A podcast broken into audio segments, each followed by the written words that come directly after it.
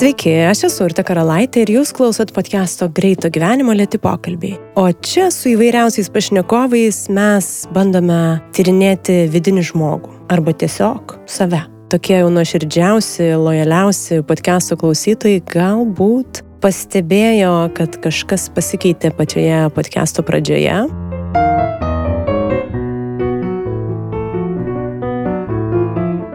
Taip, tai yra podcast'o pradžios muzika, kurią aš jau visai seniai norėjau pakeisti. Ir štai podcast'ui labai pasisekė, kad mano bičiulis, portugalų pianistas ir kompozitorius Filipe Raposo padovanojo šitą savo kūrinį. Tai dar labai smagu, kad Filipe atvyksta į Lietuvą jau visai greitai ir turės čia du koncertus vasario 28 dieną Vilniuje ir 29 dieną Raudondvario dvare. Visą informaciją rasit bilietai.lt arba Facebook'e. Mane tikrai sutiksite koncerte Vilniuje ir visus labai kviečiu, nes man jo muzika labai patinka. O šiandien kalbuosi su neurobiologu, Vilniaus universiteto profesorium Osvaldu Rukšėnu. Smegenys tikrai yra tokia sritis, kur tikslių atsakymų rasti ne visada pavyksta, bet man atrodo, kad toks jau atidesnis žvilgtelėjimas su profesoriumi padeda suprasti kai kuriuos mūsų pasirinkimus ar elgesio modelius. Tai man asmeniškai tikrai šitas pokalbis buvo turtingas. Jaučiu, kad podcast'o naujas sezonas iš tiesų startuoja dabar, vasario mėnesį, nes kaip tik yra kelios naujienos, va ir muzika pasikeitė. Taigi nuo šiol podcast'o laidų galima klausyti ir Start FM radio stoties eteryje kas antrą trečiadienį 7 val. ryte, pakeliui į darbus, mokslus, o Start FM gali klausyti Vilniuje FM dažniu 94,2 arba internete adresu startfm.lt. Šią mūsų draugystę aš ypatingai džiaugiuosi, nes būtent StartFM studijoje visus šiuos jau pastarųjų metų turbūt pokalbius ir rašinėjame. Būtina prisiminti ir pokalbių garso kokybę, tikrai labai ilgai besirūpinančią garso reklamos studiją Drop Audio, kuri padeda tą garsą padaryti kuo švelnesnį ir malonesnį jums klausyti. O podcast'o kūrimą nuo šiol dalinai finansuoja Spaudos, radio ir televizijos remimo fondas bei Benedikto Gilio fondas. Podcast'as pagaliau atsistoja tvirtai ant savo kojų ir gali būti pasiekiamas visiems jums nemokamai. Ir čia aš esu labiausiai iš tiesų dėkinga podcast'o Patreon remėjams, kurie nuo pat pradžių vienu ar keliais doleriais prisidėjo prie podcast'o veiklos ir taip ir mane palaikė ir skatino ir žinoma ir finansų šiek tiek jau atsirado tam, kad vat, po pusantrų metų podcastas iš tiesų būtų girdimas ne tik plačiai, bet vertinamas ir už savo turinį ir veiklą.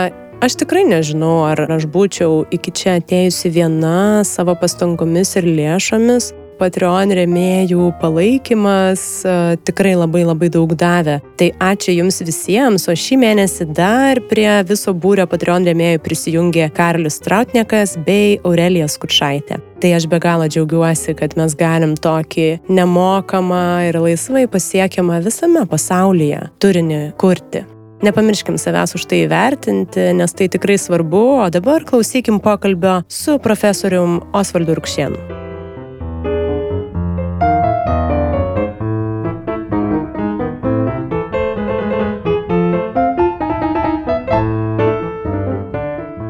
Važiuodama pagalvojau, kad nuo to gal ir norėčiau pradėti pokalbį, nes aš dažnai pastebiu, tai iš tokio vat, asmeninio pavyzdžio, šiandien truputį fiziškai lyg ir blogai jaučiausi, bet žinau, kad čia atsakomybė, turiu atkeliauti ir tada automobilis neužsiveda, laiko turiu tik tik, jau matau, kad nespėju, vėluoju, kaip nesmagu, gal jūs lauksit, gal čia bus neparuošta.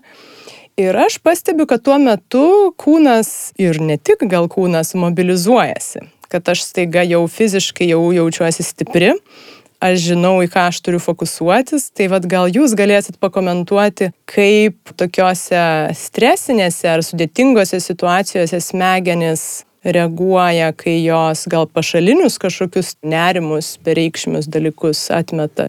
Čia kaip apie stresą kalbė, tai čia vėlgi reiktų paminėti tas dvi komponentės. Tai dvi mūsų valdančiosios sistemos. Tai yra nervų sistema ir endokrininė sistema arba hormonai, jeigu taip būtiškiau pasakyti. Tradiciškai nervų sistema yra greitos veikos, sakykime taip, milisekundės sekundės reagavimo laikas yra, ir hormoninė sistema stipriai lėtesnė. Tai vienas dalykas, kitas dalykas, kas svarbu, tai kad abi šitos sistemos labai tampriai tarpusavį susiję. Nu, iš tikrųjų, jos persipinė yra. Tai čia tokia kaip ir įžanga būtų, o dabar tai, ką jūs pasakojot, nu, tai buvo stresas, įvardinkim tiesiai, stresinė situacija ir, ir tokia gal ir nemanka pavadinkim, tai ta visa streso ašis vadinama, HPA angliškai ašis, tai yra pogumburis pasmegeninė liauka, antinkščiai kaip tokie, viską tą trijulė aktyvavosi, kortizolis tas garsusis įsiskiria, na ir mobilizuoja visą organizmą, kad nu, yra stresinė situacija, reikia susikoncentruoti, ją reikia spręsti. Tai taip, jeigu labai apibendrintai, tai schema yra gana tipinė, sakykime. O kaip jau ten individualiai, tai čia jau prasideda individualus kintamumas, nes nors schema bendra, bet kiekvieną asmenį paėmus šiek tiek skirtingai gali tas veikti. Nes galima būtų pastebėti, kad taip, jeigu labai apibendrinus, yra tokie du elgsenos modeliai, tai arba tas mobilizavimasis, arba panika, stresas, pasimetimas, kai žmogus atrodo nieko nebesugeba. Tai čia tas individualumas jau tada pasireiškia. Taip, tai čia vėlgi ta nervų sistema, viena vertus, jinai kaip ir bendro plano, sakykime, pagal anatomiją, jeigu pasižiūrėti, kita vertus, jeigu detaliau pasižiūrėti, kiekvieno iš mūsų jinai yra individuali. Yra ten tų skirtumų, tai jeigu yra anatominių skirtumų, tai yra ir funkcinių skirtumų. Tai ten prasideda visa galia genetika, prie jos epigenetika, individuali būsena, patirtis, viskas susiveda ir iš tikrųjų gali būti ir taip, gali būti ir tas pasivusių sustingimas, sakykime, kaip gynybinė reakcija, na, irgi visiškai gyvūnijos pasaulio vartojama ir pakankamai sėkmingai, tai kartais ir žmogui gali jinai suveikti. Kiek jinai bus sėkminga, čia jau kitas klausimas. Gerai, o atsitraukus nuo streso, dabar pažiūrėjus į šiandieną, iš vienos pusės galim džiaugtis greita technologijų kaita ir tobulėjimu, ypač mokslui ir, kaip suprantu, ir neuromokslui per pastarąjį šimtmetį, bet ir dešimtmečius tiek daug padeda. Bet čia vat, įdomu būtų pažiūrėti, kaip mūsų smegenis visgi ar spėja, vat mūsų kasdienių žmonių paprastų mirtingųjų, kurie ne su technologijom dirba, ne moksle, paskui tą kaitą bendrą aš jau kalbu. Ne tik technologijų, bet ir elgesio, ir įvairovės. Tai pradėkim gal nuo optimistinės dalies, tai nuo to progreso. Tai tas technologijų progresas jis be galo spartus yra. Ir čia šimtmetis, tai čia taip gal jau su atsarga, bet pastarėjai dešimtmečiai iš tikrųjų. Tai čia toks vyksta sprogimas gerąją prasme, tos technologijos vos ne kasmet kažkokios naujos kūriamos ateina į rinką ir, ir jos atveria fantastiškas galimybės tyrimams.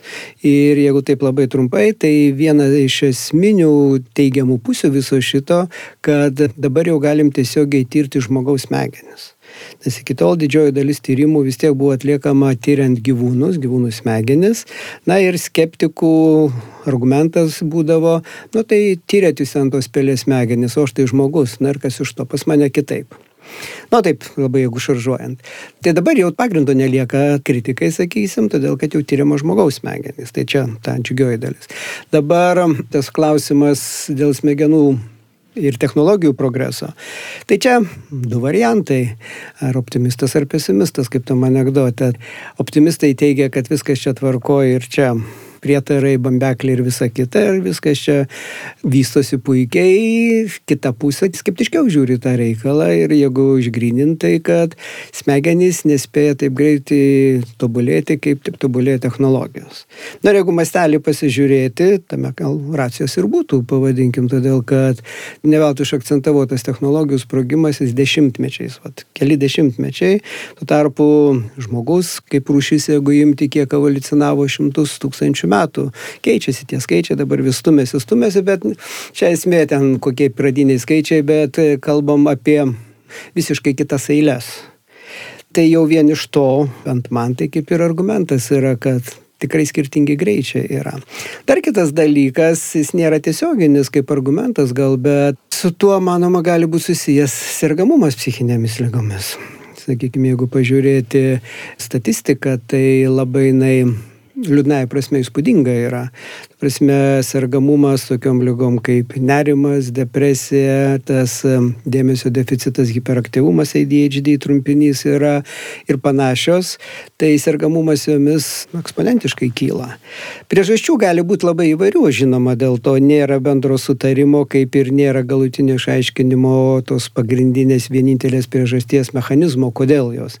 Bet viena iš versijų tai yra ta, kad nesusitvarko. Nesusitvarko, todėl kad technologijos tobulėja. Viena iš to pasiekmių tas labai stipriai greitėjantis gyvenimo ritmas, ką daugiau mažiau visi, aš manau, patiriam reikalavimai didėjantis, pasižiūrėkim, kas darosi jau darželio amžiuje, misijų konkursai visokie vyksta ir visa kita, ta prasme jau tie vaikai, sakykime, jau jie įstumiami į tą koridą visą gyvenimo. O kur vaikystė? Jeigu taip pažiūrėt. Nu gerai, čia. Ir tai, kad mes dabar gal dar ir vat, per technologijas, per socialinės medijas viską galim matyti vienu metu, mes su visais galim lygintis su visų pasauliu ir nesvarbu, kurioje tu srity dirbi, tu visada tarsi jausi savo spaudimą, tą ir reikalavimą, ir tos informacijos. Tai aš įsivaizduoju, kad jūs minit nerimą, kad nerimas iš to irgi gali kilti, kad tos informacijos tiek negali, tu gal bandai tiek suprasti, priimti. Tu stengiasi, bet, na, imkim darbinę situaciją, tarkim, kolega ten kažkokiu X klausimu pasisako tiek, o aš tiek negaliu pasakyti. Nu, diskomfortas, toks psichologinis diskomfortas, dabar pagal piramidę pasižiūrėjus valdžios iš vadovo pozicijų, jeigu lygina, vienas daugiau parodė rezultatų ar ten nu, kažkokių įdirbių, kitas mažiau. Tai turbūt nereikia čia būti orakalų, kad spręsti, kalbant apie karjeros vystymą ar panašiai. Tai tas spaudimas, jis, aš taip įsivaizduoju, kasdieniam lygmenį ir turbūt sunku rasti veiklos rytį, kur jo nebūtų. Pažiūrėkim, kokia konkurencija, kur, kokie konkursai geresnės darbo vietas ir panašiai galvojant tuomet apie smegenis, va šitam visam procese, informacijos, tarkim, kas ten vyksta, kai yra per didelis kiekis informacijos, kai tu iš tiesų bandai spėti.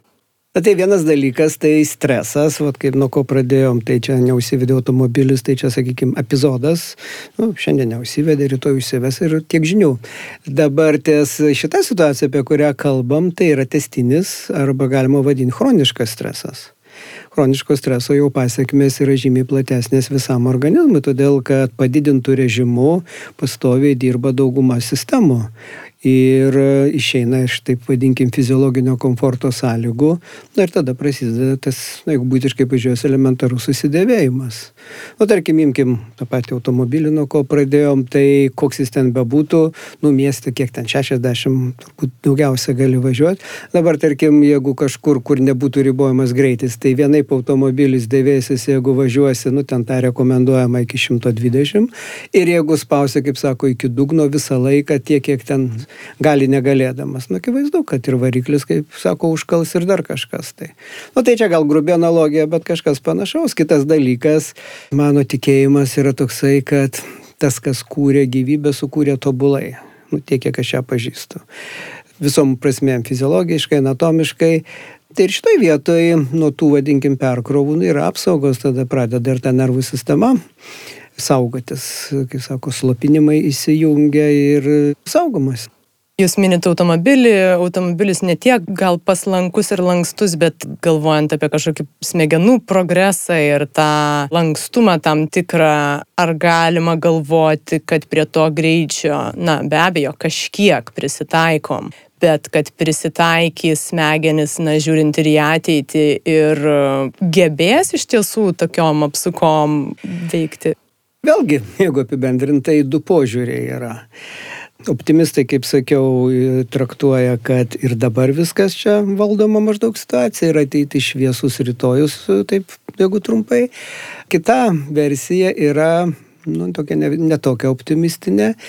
Čia aš du variantus gal išskleisiu šitoje versijoje. Tai viena versija yra ta, kad neturėtų būti taip jau optimistiškai gerai. Dėl kad dabar, kaip sakiau, jau vis daugėja galimybių tirti betarpiškai žmogaus smegenis, pinga technologijos, ko dėka plečiasi tyriamųjų apimtis ir skaičiai ir tokiu būdu jau tų gaunamų duomenų patikimumas visiškai kitas, jau ten ne trijų kokių atsitiktinių piliečių, o kalbam iki šimtų ir tūkstančių tyriamųjų. Tai šitie dalykai jau leidžia daryti tam tikrus apibendrinimus ir tie apibendrinimai nėra labai optimistiniai, kad tas chroniškas stresas yra dabar tas perdegimas teisingesnis terminas, nu, prieina žmonės iki to ir nieko čia nepadarysi. Tai čia ta ne visai optimistinė versija. Kita dalis, jeigu išplėtoti šitą atsakymą, tai apie kokią ateitį kalbam.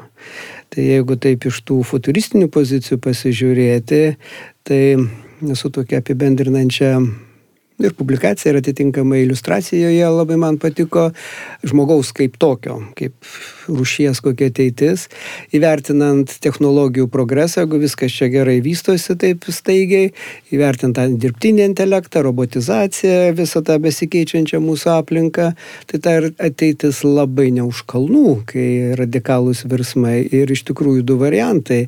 Arba žmogus sugeba suvaldyti tą situaciją, net netgi nesuvaldyti, prisitaikyti prie jos ir pabandyti eiti koją, arba ignoruoja. Nu, jau, aš taip neįžeidžiant, bet įvardinčiau čia tuos optimistus, kurie teigia, kad viskas gerai.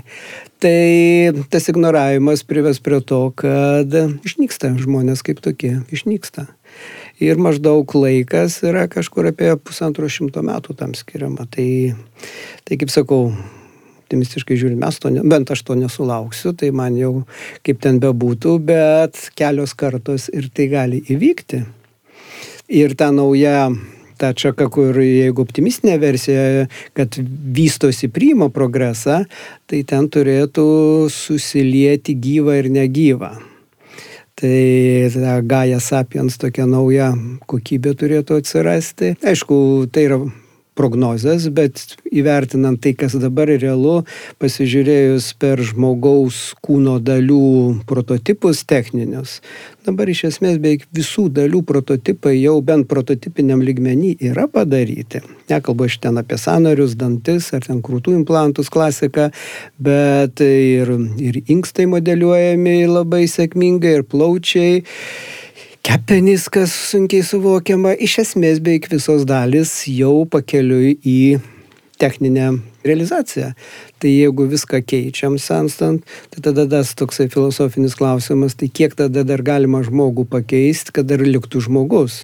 Taip galima vystyti toli ir įdomu. Taip, čia labai įdomu iš tiesų, man tas pats klausimas kilo, kas tada yra žmogus ir, ir kur yra jo ribos. Kitą filosofą būtinai iškamantinėsiu. Aš dar truputį noriu sugrįžti, jūs minit psichinius sutrikimus ir um, galbūt sąsajas e, su greičiu ir bandymu spėti. Ir dar viename jūsų pasisakymė, jūs ne kaip faktą, bet kaip tokį, kaip pamastymą sakot, kad intelektualūs žmonės, tai čia su, su smegenų naudojimu susiję labiausiai, kad ten tarsi dažnesni yra susirgymai tokie. Statistika tą rodo. Tai aš tą vadinu kainą, kainą už komfortą. Viskas gyvenime, kaip sako, turi kainą, tai šiuo atveju, nu, taip jeigu grubiai pasakius, ir protas turi kainą, nes statistika yra, yra to paskaičiavimai, tai labai spūdingai, ne, ne procentų dalimis, o kai kuriais atvejais ir dešimtimis procentų skiriasi sergamumas bendros populacijos pagal IQ paėmus.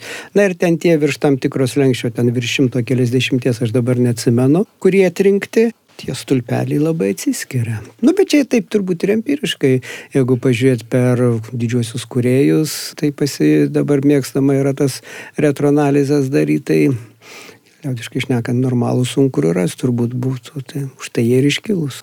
Ar čia galima irgi bandyti žiūrėti į tą norą paimti daug informacijos ir vėl mes ką kalbėjom, kad bandymas apdoroti daug informacijos, nesvarbu ar tai tiesioginė, ar tai meninė raiška, bet tam tikras irgi ir įdarbinimas smegenų perkrovos galbūt. Man įdomu, vat, kuo tiesiogiai gali būti intelektas susijęs su psichiniam lygom Sunku šitam etape atsakyti, bet taip, bandant kažkaip tai faktų parinkti.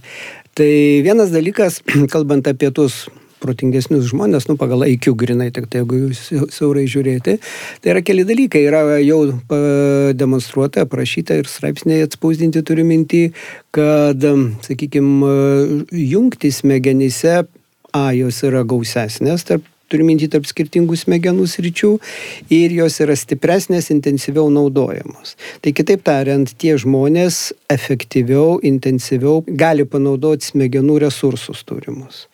Tai vienas dalykas. Kitas dalykas jau yra darbų, kai tyriama žmogaus smegenis lastelių lygyje, kas visiškai fantastika yra pažinimo prasme. Tai va, tų tyrimų rezultatai rodo, kad vėlgi tų protingesnių pagal IQ kriterijų žmonių nervinės laselės neuronai, jie yra didesni fiziškai, jie generuoja greitesnius ir didesnės amplitudės veikimo potencialus. O potencialai tai yra ta bendravimo priemonė tarp nervinių lastelių. Sakykime, visa mūsų protinė veikla tų per tuos potencialus realizuojama. Tai va, tai tie du faktai, nu, jie, sakykime, suveda. Kas iš to seka, kad tai yra, galima sakyti, anatominiai skirtumai. Iš tų anatominių skirtumų seka funkciniai skirtumai. Iš to, matyt, seka ir prielaidos sergamumui. Nes esminis, mano galva, momentas yra tas, kad nu, neturim galutinių mechanizmų, kodėl ar ten ta nerimo sutrikimas, ar depresija vystosi. Yra prielaidų vienokių, kitokių, bet to tokio visuotinai priimtino modelio ne, kol kas neturim. Tai čia visa kita tik tai prielaidų spėliojimų lygyje, bet tų žmonių, protingesnių žmonių, jų šiek tiek e, ten jungtis, e, viskas smegenyse kitaip organizuota, tai matomai gali kažkaip tai sėtis ir su galimų lygų vystimus. Dar pažiūrėjus į psichosomatiką. Pirmiausia, mokslas pripažįsta psichosomatiką. Čia pirmas gal klausimas nu, ką vadinsi, mokslu. Taip, yra tas terminas ir, nu, tai pažiūrėkime, mediko aplinkoje, nu, diagnozės, jeigu pažiūrėtų. Nu, čia neįžeidžiant, bet, bet kuriu atveju, jeigu nelabai žinai, ką parašy psichosomatika, viskas praeis. Sudėtingas terminas ir O kas po to, čia kaip ir genetika, nesumeluosi, kas yra svarbu, su tokiu pasakymu neprašausi. Todėl, kad nu, psichosomatika tai ir, ir psichika apima ir kūną. Tai akivaizdu, kad viskas čia vyksta, nu tai kažkas čia ne taip, nu tai taip, psichosomatika. Ir čia tada, taip, jeigu demistifikuota visą reikalą. Duoti kuo didesnę, kuo ryškesnę tabletę iš cukraus.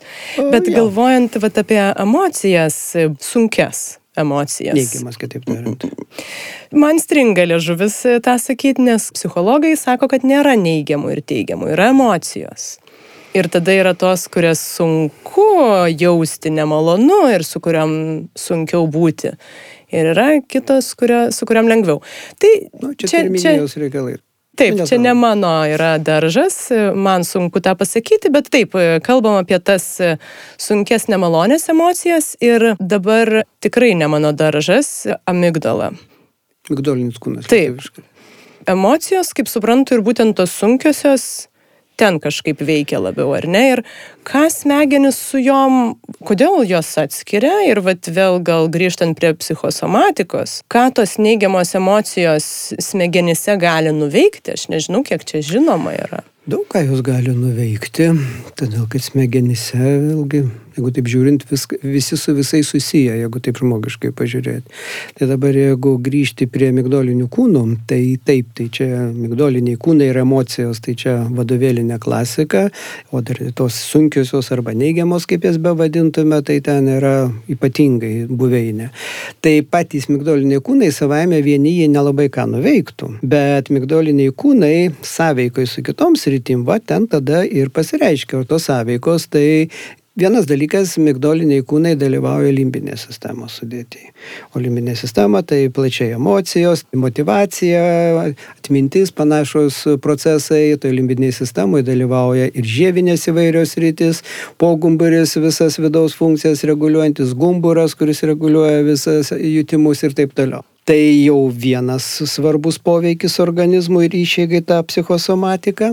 Kitas dalykas, kalbant apie ryšių su žieve, tai jau visiška klasika, yra migdolinių kūnų sąveika su taip vadinamom prieškaktiniam arba prefrontaliniam šitom žievėm. O čia na šitos žievės pagal dabartinį supratimą tai yra mūsų ego buveinė, sakykime. Mūsų sprendimai čia priimami, čia modeliuojama, prognozuojama pasiekmes mūsų galimų veiksmų. Jeigu taip pagal ryšius pasižiūrėti, tai yra taip, šitos rytis gauna į informaciją iš visų jutimų viskas čia ateina. Tai vienas dalykas, reiškia, šitos rytis žino, kas vyksta organizme, kas aplink yra. Kitas dalykas, šitos rytis turi labai gausius, stiprius ryšius su motoriniam sritim. Žievės tos rytis, kurios valdo mūsų visus raumenis, judesius, motoriką plačiaja prasme. Reiškia, priima sprendimus ir turi labai stiprius, kaip sakiau, ryšius su migdoliniais kūnais, su ta emocinė dedamąją. Tai vad vien jau per šitą trijulę pasižiūrėjus, visi įrankiai, priemonės valdyti organizmą ir neigiamom emocijom valdyti mus. Dar tada noriu pažiūrėti į įpročius. Čia nežinau, ar įpročiai ir priklausomybės į tą patį katilą galėtų? Manyčiau, kad ne. Turbūt. Jeigu kalbam apie priklausomybės tą klinikinę prasme. Pirmas klausimas įdomu būtų, kaip galima pabandyti suprasti, kodėl įprasti yra lengviau negu atprasti. Čia aš tą patį atsikartojimą truputį matau ir priklausomybėse, bet aš suprantu. Nu, priklausomybėse čia... ten aiškiau yra, tiek kiek aš žinau. Dabar kalbant apie įpročius, Aš nesu tikras, ar tikrai yra sunkiau atsikratyti negu įsigyti, užauginti įprotį. Be abejo. Čia aš tik apsidraudžiu, nes aš specifiškai šito nesidomėjau, bet aš taip iš neurobiologinės pusės nebūčiau toks tikras. Tokią bejonę įvesiu. O jeigu atsitai nuo šito, na tai vis tiek šiuo metu dominuojanti teorija bent jau vakarų pasaulį, kuri bando aiškinti, kaip smegenys veikia, smegenys kaip visuma, tai vis tiek yra neuroniniais tinklais paremta. Jo, jie jau virš 70 metų, bet nu, jinai, jinai stipri ir tik tai stiprėja. Jinai nėra tobula, jinai visko nepaaiškina, bet kažkokių rimtų alternatyvų N metų niekas jai nepa, nepasiūlo. Tai su tais tinklais, na tai kaip tokia pievos takelio alegorija gali būti taikoma, kad, sakykim, pieva sužėlusi ir kažkas praeina. Nu, tai tas praeina, tai ryšiai tarp nervinių ląstelių, jeigu nukelt analogiją į smegenis. Nu, vieną kartą praėjo, nu ir kas. Bet jeigu metodiškai ar tas pats ten asmuo eina, arba didesnė grupė tuo pačiu takeliu eina, kas atsiranda, atsiranda takelis. Tuo takeliu jau žymiai lengviau eiti negu, sakykime, šviežiam neliesta pieva.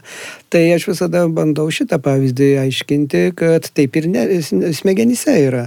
Iš pradžių susidaro tos jungtis tarp tam tikros skaičiaus tų nervinių lastelių ir jeigu veiksmas kažkoks ritualas, kas be būtų kartojasi, tai panašus tas rinkinys jungčių atsikartoja, o čia tada į veiksmą įsijungia procesai sinapsėse, tai yra jungtyse tarp nervinių lastelių, tai vadinama sinapsiniu plastiškumu ir ten jau tada įvyksta imtinai iki to, kad įvyksta struktūriniai pokyčiai. Ir čia va tas ilgalaikis įtvirtinimas tai čia ir atmintis panašiai aiškinama. Nu, čia toks, kaip sakau, šiuo metu dominuojantis modelis yra. Ar galima kažkaip apibrėžti, per kiek maždaug laiko gali tie įpročiai, na, nesvarbu, ar čia su, su judėjimu, ar su kažkokiu tai elgesiu susiję formuotis, ar labai individualu? Čia sunku būtų kažkokį bendrą, todėl kad čia ir individualu, ir priklauso nuo to, kokio pobūdžio tie įpročiai, kokio amžiaus asmens, kokios patirties tas asmuo. Čia labai daug dedamųjų, bet akivaizdu, kad ne apie sekundės, ne apie minutės kalbam. Čia jau mastelis kitos eilės. Pakartojimų skaičius turi būti didesnis, motivacija čia labai svarbi, vėlgi tos pačios emocijos, tos jūsų terminijoje sunkesnės, jos kaip ir prilaiko kažko, nu galbūt jeigu apie vengimo kažkokį įprotį kalbėsim, tai gal kaip tik pastimuliuos, šiaip tai teigiamos geriau paveikia. Tai čia daug dedamųjų, taip kad kažkokio ten e, minutės tikslumų laiko tikrai nesimsiu įvardinti. O tinginystė ir prokrastinacija. Na, manau, kad nei vienas pasaulio žmogus nėra išvengęs bent kartą tą pajusti. Ir tos kovos yra kasdien, manau, daugumai mūsų. Daug tas... didesnių ir mažesnių mastelių. Taip. taip. Nes tarsi, va, jeigu įprotis yra, na, mes įprantame dirbti, mes įprantame kažką daryti, bet net ir tame įprotyje mums kils mintis, gal truputį pailsėt.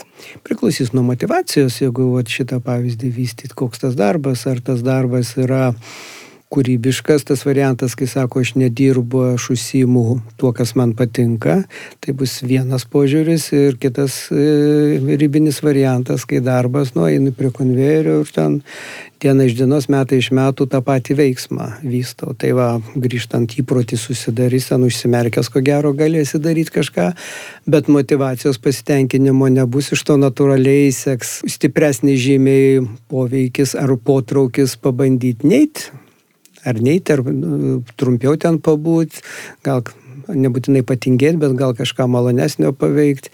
Tai aš į šitą dalį gal taip su, suakcentuočiau. O šiaip tai vėlgi toks bendras atsakymas, tai būtų viskas iš šitos dėžutės. Yra, turiu minti mūsų mintys, sprendimai, veiklos vis tiek e, smegenyse apsprendžiamos. Tai o kadangi grįžtant yra tų individualių skirtumų, nu, tai taip ir atsiranda tarkim, ir tie ten tie tipai charakterio, ir ten vienas greitesnis, kitas lėtesnis, vienas tingesnis, kitas mažiau. Čia va ta įvairovė taip ir atsiranda, bet taip, kad nupaišyti konkrečią schemą grandinę, tai dar ko gero ankstoka truputį.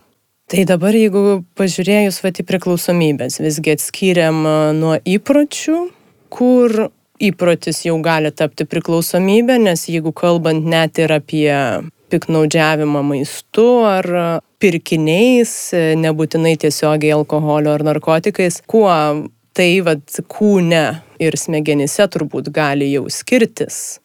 Tai smegenyse pirmiausia, nu jeigu plačiaja prasme žiūrėti, aišku, smegenyse, jeigu ten apie valgymo sutrikimus, bet valgymo sutrikimai čia atskira kategorija yra, tai, tai ten jau ir kūnas pajunta, ne tik smegenis. Aišku, kūnas pajunta ir, ir tų klasikinių priklausomybių atveju, jeigu apie priklausomybės cheminėms medžiagoms kalbėsim. Bet grįžtant į pradžią, tai esminė takoskira yra valingas valdymas.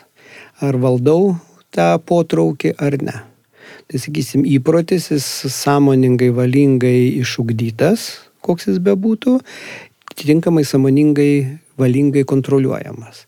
Tuo tarpu su priklausomybėm ten valingumo nerasta. Tai čia esminė ir problema, ir skirtumas iš to atsiranda, kad ten jau, kaip sako, fiziologija ima viršų ir tada jau valdo žmogų iš vidaus. Tai čia toks ir būtiškai, ir visai kaip paprasčiausias galbūt skirtumas. Ten jeigu žiūrėti mechanizmus smegenyse, tai ten daug galim įvardinti jų, bet atitinkamai, sakysim, ir priklausomybių tas neurobiologinis mechanizmas, na jisai kaip ir neblogai patirinėtas, bent jau kaltininkai kabutėse labai aiškus yra. Turiu minti tos pripratimo ar malonumo vadinamos grandinės su dopaminu siejamos, kurios aktyvuojasi ir ten tada jau užsisuka mechanizmai. Prisiminiau iš kitos truputį temos, bet e, skaičiau keletą straipsnių, kad būtent dopaminas išsiskiria dar net nepavartojus. Na, malonumas suteikiančio kažkokio tai ar produkto, ar, ar nežinau, ten ir apie video žaidimus gal kalbama, kad vien mintis apie tai, ar žingsnis link to, kad iš tiesų ne, nebūtinai pati substancija išskiria Tai taip, tai čia yra tas prognozavimas, numatymas, tai tie vėlgi, jeigu tai yra samoningoje aplinkoje, apie tokią dabar kalbam, tai taip, čia su sąlyga, jeigu žinom apie ką kalba, jeigu žmogus nevartojas ir jam tai nekelia jokių pojūčių, tai tu gal, gali galvoti apie nu, X kažkokį dalyką. Nu, jeigu aš jo ne, nepažinojau iki šiol, tai jis man nieko nekelia. Tai čia vėlgi vištos kiaušinio klausimas, kažkada pradėti reikia, nu, kabutėse, kad tam, kad žinoti, apie ką kalbam. Kaip ir virškinime analogiją galima, burnoj dar nieko nėra, gal aš tik pagalvojau, kaip būtų gerai kažkokį piragaitį suvalgyti. Jau, jau seilės viskas pradėjo aktyvuotis, nors dar nieko nėra. Tai ta prognozė jinai yra taip ir su dopaminu, bet čia skirtumas yra kiekiuose. Nes e, jeigu nieko neįvyko, nu tarkim, aš pasvajoju apie tą X, kurį jau jo poveikį žinau, pasvajoju taip, bet liko lūkesčių lygmenį pavadinkim. O alternatyva, jeigu ne tik pasvajojau, bet ir įvykdžiau. Na ir tarkim, stiprusis variantas su tam cheminiam medžiagom, psichoaktyviom, tai ten jau įsijungia visa fiziologija ir ten tada jau visiškai kitos eilės tas dopamino įsiskirimas ir poveikis. O iš to, kas seka, vėl grįžtant prie gyvo organizmo tobulumo, tai be viso kito organizme yra visa eilė, kitaip tariant, daug tų kontrolės sistemų, kurios visą laiką stebi, kiek ko organizme yra. Įskaitant ir hormonus. Hormonus ypatingai griežtai stebi. Todėl, kad jie svarbus pagal savo paveikumą organizmui. Na ir kas gaunasi, ir kai tas sistemos nustato, kad to paties dopamino išaugo, nu tai yra ta vadinkim tolerancijos riba malonumui tvarkoj, bet jeigu jinai kartais viršėjama, tai jau blogai. Reiškia, su tuo reikia kažkaip tai kovoti. Kovojama paprastai, duodama komandai ten per įvairias grandinės mažinamas receptorių, kurie reaguoja į dopaminą skaičius. Tokiu būdu kovojam. O malonumas patirtas, aš jau jį noriu kartoti. Kad, kad jį kartoti, reiškia, reikia stiprinti poveikį. Nu tai ar didintos medžiagos, ar ten dar už keliasdešimt tūkstančių nusipirkti kažką, tai, nu, sakykime, priklausomai kokia ta priklausomybė, kam jinai yra. Ir taip ratas sukasi. Alkoholis yra viena galbūt iš tų tokių šiandien pasiekiamų ir, ir lengviausiai įprantamų vartoti priemonių ir gal va, ta priklausomybės riba tokia bliškesnė yra, čia aš taip interpretuoju. Tai čia va irgi būtų pasvarstymui, tikrai nemažai žmonių yra vartojantis kasdieną prie vakarienės, ypač jie mėgsta, na, kas pasiteisint, kas kaip faktą įvardinti, kad, na, tai taurė vyno prie valgio yra nieko tokio. Ir va čia ir yra tas taškas, turbūt, kaip jūs sakote, kad e, jeigu aš galiu vieną, vieną kartą jau prie vakarienės atsisakyti samoningai, Deja ir savo artimoje aplinkoje matau, kaip tas e, nuo vienos taurės prie vakarienės pereina ir niekas nepastebi, kurioje vietoje pereina į tą kitą, kitą jau pusę. Taip, tai yra labai slidus lengstis arba takoskira, kur jau pavojinga tampa ta zona. Bet, nu vėlgi čia labai individualu yra ir tol, kol žmogus gali valdyti situaciją. Nu, sakykime, su tą taurės versija imkim, šiandien, sakykime, išgeria, o rytoj, rytoj negersiu. Ir rytoj ir poryt negersiu, ir negeria, ir diskomforto nėra, ir viskas tvarkoja.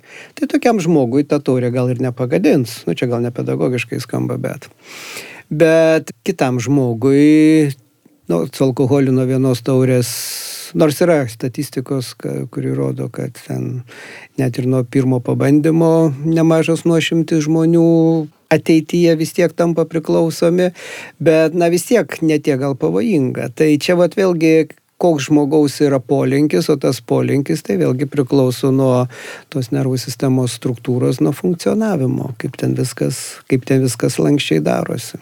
Kaip tokie vat, polinkiai priklausomybėms, net ir, tarkim, savižudybei ar kažkokiam psichiniam lygom gali persiduoti genetiškai, ar čia jau visai ne jūsų laukas?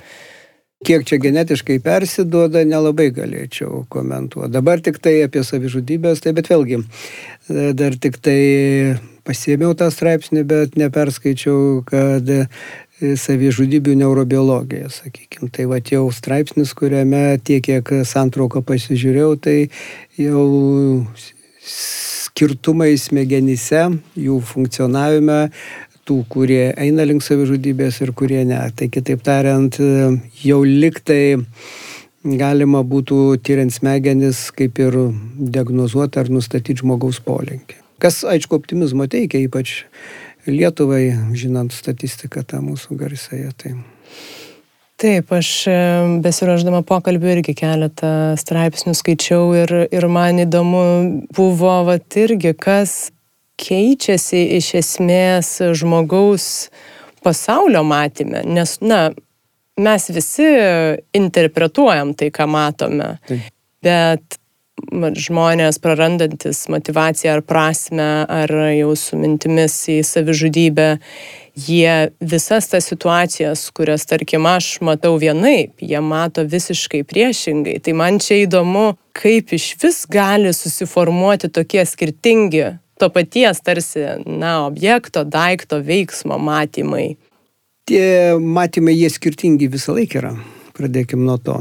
Parodykim bet kokį daiktą, kad ir šitoje aplinkoje dabar, jeigu po laidos mūsų abu kažkas paklausinėtų, ką matėm, mes jau šiek tiek skirtingai papasakotume, todėl kad fokusavimas, dėmesio koncentravimas į skirtingus dalykus, tai tas pastoviai vyksta jau. Bet čia aišku, to nepaaiškinsi, čia tik tai toksai, kaip nėra kažkas tai neįtikėtino. O tenai vis tiek e, su motivacija turi vykti pasikeitimai, su, su, su emocinė sritimi. Akivaizdžiai, nu, super optimistas turbūt retai žudosi. Pradėkime nuo to. Tai vis tiek turi būti polinkis arba išvystyta depresija, nu, bent jau ryšys tarp depresijų ir savižudybių, tai labai stiprus yra parodytas, kas ir nestebina kaip ir. Tai vad šitos ryties e, zonos, pavadinkim, smegenyse rytis procesai juose turi pasikeisti, bet čia toks, nu, toks aptakus. O detaliau, tai vėlgi tyrimo prasme, jeigu apie šitą temą kalbėti, tai techninė pusė, jinai yra sudėtinga.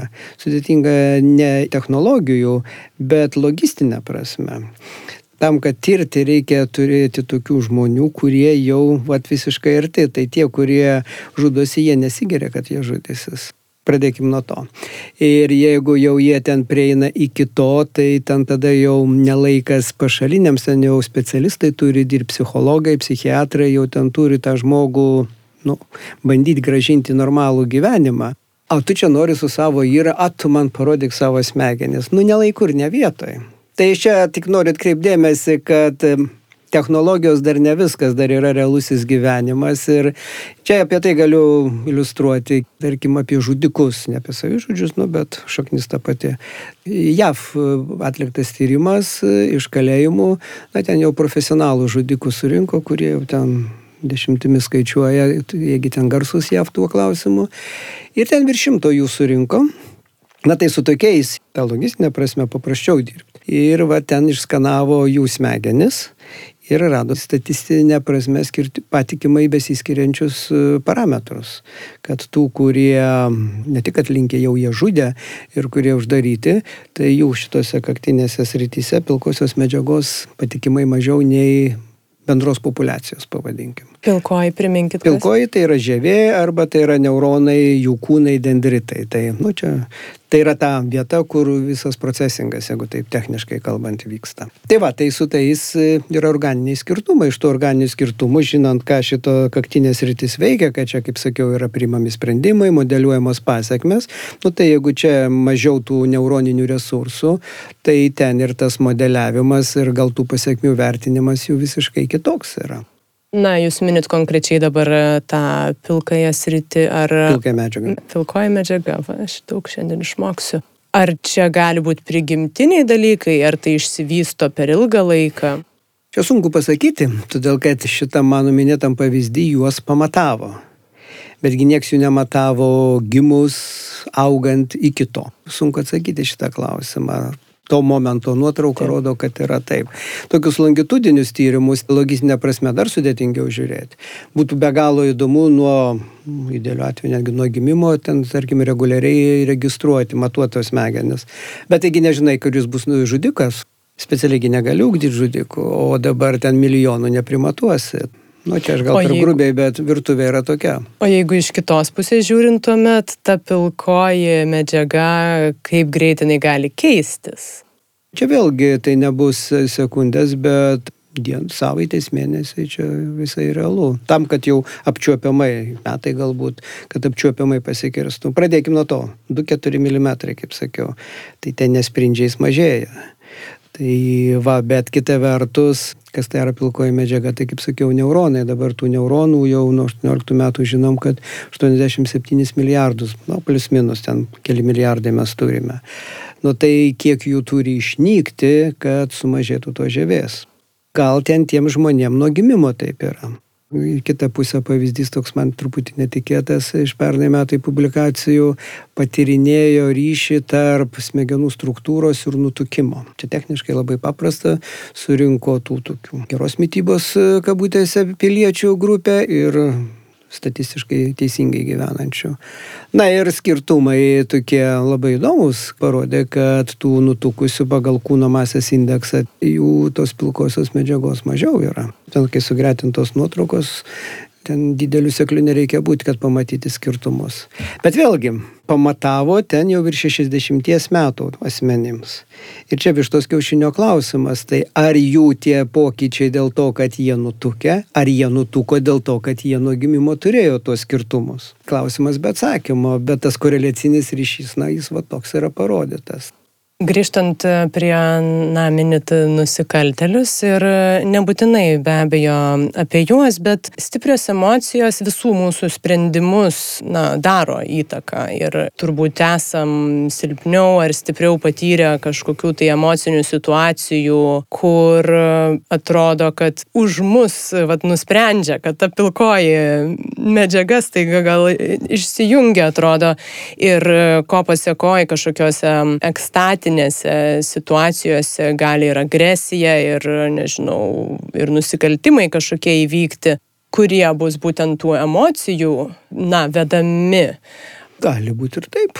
Kodėl tos emocijos turi tokią stiprią Na, emocijos, tai prisiminkim tos migdolinius kūnus, apie kuriuos kalbėjom ir jų gausius ryšius, tai jie atsakomybės prasme ar poveikio prasme jie tikrai yra labai stiprus. O dabar su tom emocijom, tai vėlgi, jeigu įmam tą tipinį variantą elgsenos, tai smegenyse, kaip ir bet kurioje kitoje sistemoje, yra du atsakų pobūdžiai nervinių ląstelių. Yra žadinimas, yra slopinimas. Na čia kaip akceleratoriaus stabdžio pedalai automobilyje. Su vienu bet kuriuo toli nenuvažiuosi, reikia abiejų ir reikia juos gerai valdyti. Tai taip ir, ir nervų sistemoje ties principas galioja. Tai jeigu ta stabdymo funkcija sutrikusi, Nu, tai emocija stipriai, prisiminkime, migdoliniai kūnai ryšys su prefrontalinė žieve, čia primami sprendimai. Čia atėjo sprendimas, čia dar yra juostinė žievė giliau, kuri dar labai kontroliuoja tuos procesus, ryšiai su ją dar silpnesni, Ir viskas. Ir ta emocija, kaip sako, išėjo. Čia klasikinis pavyzdys šitoj vietoj, kaip paaugliai ir suaugėliai priima sprendimus. Tai at paauglių ta elgsena, tai, nu, niekam čia nepaslaptis, visi turim patirtis visokias ir tas ir impulsyvumas, nepastenkinimas ir ties ir peštinės, kas nori. Todėl, kad ten dar ryšiai tarp migdolinių kūnų ir prieškaktinės tos prefrontalinės žievės, jie dar ten vystimosi stadijoje. Tai reiškia, sprendimus reguliuoja migdoliniai kūnai. Blikstelė emocija ir suveikia. Suaugėlio jau sprendimo atsakomybė perina čia ir čia tada jau pamodeliuoja, pavertina, kaip čia kas bus ir, na, nu, tipiniu atveju ir jau tada arba vykdoma, arba ne. Bet suaugusiu irgi pasitaiko impulsyvių, tai čia įdomu, kaip ir ar galima padėti va, tiem ryšiam keistis. Bendru atveju tai galima kažką daryti. Problema yra truputį kita, kad keisti tai reikia detaliai žinot mechanizmą, kaip tas vyksta tarkim, tas impulsyvumas. Techniškai, kaip ir reiktų žinoti visą impulsyvumą apsprendžiančią grandinę smegenyse, na ir tada į kažkurį tai etapą ar ten epizodą bandyti paveikti. Jau čia problema. Tai nėra lengva išsiaiškinti. Kitas dalykas, smegenyse labai viskas kompleksiškai susiję ir vienu metu daug procesų vyksta ir tos pačios rytis dalyvauja regul... vykdant labai vairias veiklas. Tai su tuo poveikiu į vieną kažkokį tai elementą gali rikošeto išlys visiškai kitoj vietoj, kur nežinosi. Tai va čia tokie yra pavojai, bet jie nėra neįveikiami. Tokioj valdymo, vadinkim, srity yra tikrai dirbama ir pagal spaudą žiūrint, tai labai optimistinių variantų netgi ir ten, tarkim, su Alzheimerio lyga siejami, kur atminties praradimai, kad netgi liktai demonstruoja, kad pagerėja atmintis, stimuliuojant tam tikras smegenų sritis, ten atidirbami protokolai to stimuliavimo, viskas. Na nu, tai čia gal dar reikia sulaukti, kad atsikartotų keliose laboratorijose, bet tie tyrimai tokie vyksta ir jie ganėtinai optimistiniai, sakyčiau. O galvojant dabar apie tokius kasdienius e, mūsų na, elgesio modelius, kurie galbūt yra ar toksiški, ar žalingi savo ar kitiems ir net ir vat, samoningesnis žmogus, net ir pastebėdamas, tai na, vat, jis negali sustoti ne tik gal valios trūksta, bet vat, kažkoksai vat, tas impulsyvumas ir tas mechanizmas užsisukęs, vat, kodėl čia yra sunku nutraukti. Nu, tai čia yra tai žmogaus prigimtis, tas pats charakteris, nu, flegmatikai, cholerikai ir panašiai, sakysim. Na ir vėlgi tas impulsyvumas, tai vėl grįžtam prie žadinančių, slopinančių grandinių, jeigu mechanizmų prasme čia daug ko labai nepasirinksi, tai jeigu tos slopinančios grandinės, kurios kaip atsvaras turėtų veikti, jeigu jos veikia silpniau arba visiškai silpnai, na tai tie kažkokie impulsai, paskatos ir suveikia. Nusipirkti blikstelio, nors visiškai nereikia suveikia kažkas. Tai vienas dalykas, kitas dalykas, e, akivaizdu, kad čia emocijos yra labai svarbios. Tai nuo jų niekur nepabėgs. Tai dabar va čia ir vyksta toksai konceptualus pasikeitimas, kad emocijos, anksčiau jos toks kaip trukdis buvo protui racionaliam, o dabar jos iškeliamos, ta prasme, kad pradeda tikima, kad e, pasąmonės lygi visi pagrindiniai sprendimai primami, o sąmonė tik tai įgarsina, sakykime, tuos sprendimus sunku pasakyti, pagyvensim, pamatysim, bet dabar jau į tai einama. Su pasąmonė turbūt dar sunkiau susikalbėti o, ja, ir, nežinau, ir tirti. Tirti, norėjau sakyti, technologijų. Man įdomu pagalvoti dabar vat, apie jūsų paties kasdienybę. Jūs tiek metų tyrėt žmonių smegenis. Kaip jums žinios tokios padeda jum pačiam galbūt suprasti geriau ir savo veiksmus ar aplinkos, vat, savo kasdieniam gyvenime? Priklauso kaip traktuosi, arba padeda, arba trukdo. Vėl tradiciškai iš optimistinės pusės žiūrint padeda, jeigu bandai save analizuoti, savo veiklą, savo veiksmus, tai nėra kažkoks tai nežinomas laukas, nu vis tiek, kai jau tam tikras supratimas apie smegenis yra, tai dėlioji pasijansus, na ir nėra beviltiška, taip pavadinkim. Kiek iš to gėrio, nu tai gal nėra blogai, ypač jeigu kažkokie ne visagi ten sėkmingai viską pavyksta padaryti, arba kažkokie keisti, pavadinkim, įvyksta veiksmai, tai panalizavus gali kažką tai atsekti, kažkokį priežastinį pasiekminį ryšį, kuris paaiškinam. Iš kitos pusės, tai čia va ir kartais ir kolegos, ir ypač iš, iš draugų pažįstamų tarpo, tai nu, maždaug būna komentaras, tai tu žiūrėk paprasčiau į gyvenimą. Nu, tai uždeda, kiekviena specialybė uždeda savo spaudą. Tyrinėjant smegenis turbūt paprasčiau sunku žiūrėti gyvenimą, visgi smegenis yra turbūt vienas sudėtingiausių, jeigu nu, ne. Manoma, kad sudėtingiausias. Pats. Ir čia irgi vat, įdomu na, darbo šitoj srity prasme, kur ne visada, kaip suprantu, yra tiesus, aiškus atsakymai. Ir keičiasi informacija, vad jūs mini dešimtmečiais atsiranda visiškai kažkokie nauji tyrimai ir gal prieš tai manyta vienaip, dabar kitaip.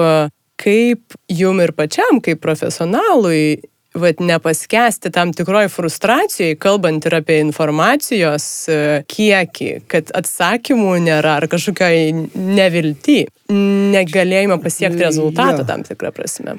Aš čia taip iš savo patirties, aš norėčiau tikėti, kad jinai nėra unikali, turbūt ir bent jau dalį ir kitų žmonių panašiai kažkaip yra. Kažkuriam etape turbūt reikia tą relativumą suvokti ir priimti. Relativumą pažinimo jo pažinimo plačiaja prasme, kad šiuo metu yra taip, kaip yra, darom pagal šiuo metu turimas galimybės. Praeis koks šimtas metų, nu ir tie, kas gyvens tada, pasižiūrėję dabartinius mūsų tyrimus, aš esu tikras, kad juoksis už pilvų susijęme. Nu, lygiai kaip mes dabar iš viduramžių, ar ten, tarkim, iš Aristotelio laikų e, traktatų, kaip mes dabar traktuojam ir kaip mes šaipomės iš jų. Tuo metu tai buvo be galo pažangu.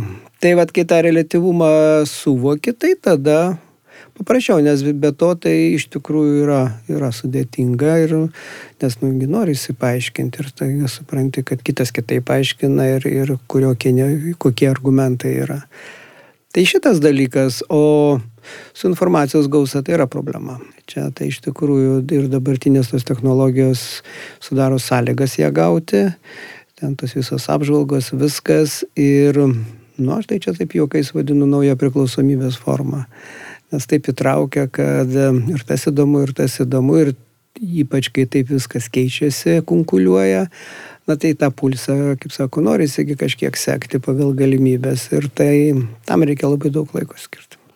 Tai aš e, dabar jau galvoju, kad jūsų kolegos palinkėjimas žiūrėti paprasčiau kartais visai ir tinka, ypatingai. Taip, sutinku. Galvojant apie ateityje besijuokiančius mokslininkus, tai e, aš linkiu jums kartais šito požiūrio, kartais to atkaklumo ir smalsumo, kurio jūs turite ir noro tą informaciją absorbuoti. Tai dėkui Jums labai už pokalbį ir Jūsų mintis. Ačiū Jums.